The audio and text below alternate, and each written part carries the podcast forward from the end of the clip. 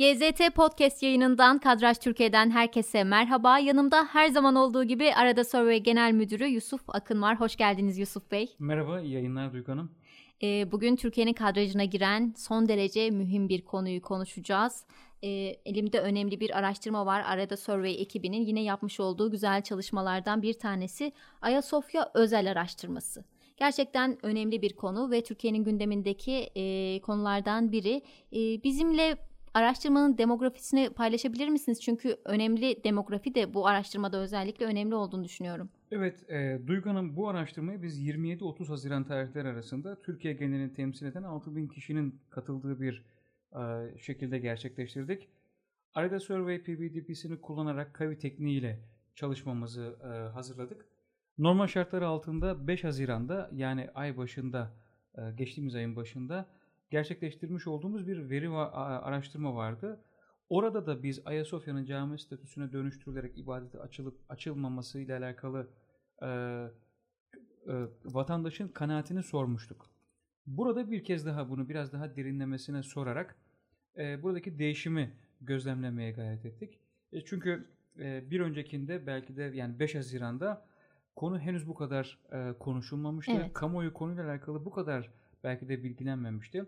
Ama medyada e, her türlü e, değerlendirmenin yapılmasıyla hukuki, siyasal ve tarihsel boyut bağlamında belki de çok güçlü değerlendirmelerin olmasıyla vatandaş burada hepsini dinliyor, dinledi. E, neredeyse bugün tabi Danıştay'ın da bir kararı e, olacaktı. 15 gün ertelendi. O da bekleniyor idi. Hı hı. Tam bunun ertesinde peki Danıştay kararını açıklamadan önce vatandaşın kararı nedir diye bu araştırmayı yapalım istedik. Onlara bunu sorduk. E, şimdi önemli konulardan e, biri dedik Ayasofya. E, gün Türkiye'nin gündeminde de bu var. E, siz direkt sordunuz katılımcılara dediniz ki Ayasofya cami statüsüne dönüştürülüp ibadete açılmalı mı? Evet bu sorunun cevabı 5 Haziran'da %73.3 oranıyla evet idi. 30 Haziran'da ise 79.4 katılımcılarımızın neredeyse yani e, her 5'inin 4'ü vatandaşın her 5 kişiden 4'ü e, evet açılmalı cami statüsüne dönüştürülerek ibadet içinde biz burayı kullanabilmeliyiz şeklinde bir görüş beyan ettiğini görüyoruz. Hı hı. Demek ki e, bu geçen süreçte neredeyse Haziran ayının tamamını belki de işte e, temsil ediyor. E, birinci ve ikinci araştırma arası. Burada demek ki vatandaşın açılması kanaatini destekleyecek argümanların, e, vatandaşı ikna edecek argümanların vatandaşça dikkate alındığını, gözlemlendiğini değerlendirebiliriz buradan. Evet, hayır oranı da e, hayır oranında da düşüş var. E, bu da önemli bir veri diye düşünüyorum. %26.7'den e, %20.6'ya düşmüş. Yani yaklaşık 6 puanlık, 6.1 puanlık bir düşüş olduğunu görüyoruz. E, burada hayır diyenlerin motivasyonunun da e, biraz daha e, diplomatik, uluslararası dengelerin gözetilerek veya e, dini hassasiyetlerle alakalı e, değerlendirmesi de olabilir. Bu hayır olarak gerçekleştiğini görüyoruz. Diğer sorulardan edindiğimiz bir içgörüyle bunu da değerlendirdiğimiz takdirde.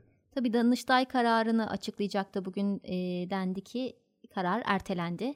E, 2 Temmuz'da 15 gün içerisinde açıklanacağı Evet belirtildi. 2 Temmuz'da Danıştay bir açıklama yaptı ve kararın ertelendiğini bel- belirtti. E, peki bu karar katılımcılara göre ne olmalı?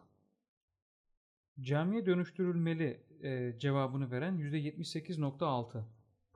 Müze olarak kalmalı diyen oranı ise %21.4. Yani evet açılarak ibadete e, ibadet edilmeli e, cevabını verenlerin oranına e, eşdeğer bir oranda camiye dönüştürülmeli şeklinde kanaat belirttiğini katılımcıların e, görüyoruz, değerlendiriyoruz burada. Yine şunu diyebiliriz ki oransal anlamda her 5 katılımcıdan her vatandaşımızın 5'inin 4'ünün e, camiye dönüştürülmesiyle alakalı kararını ifade ettiğini görüyoruz.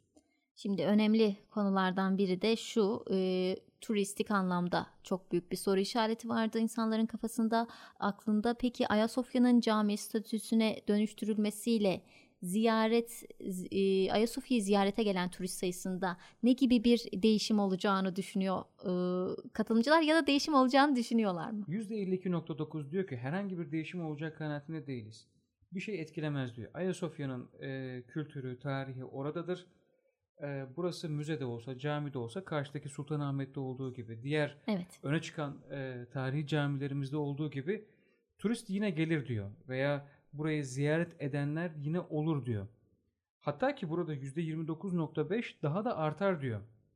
E, buranın cami statüsü olması ister istemez yıllar sonra e, bu statüyü tekrar kazanıyor olması belki daha güçlü, daha farklı anlamlar da yüklüyor olabilir e, belli bir e, kitle için.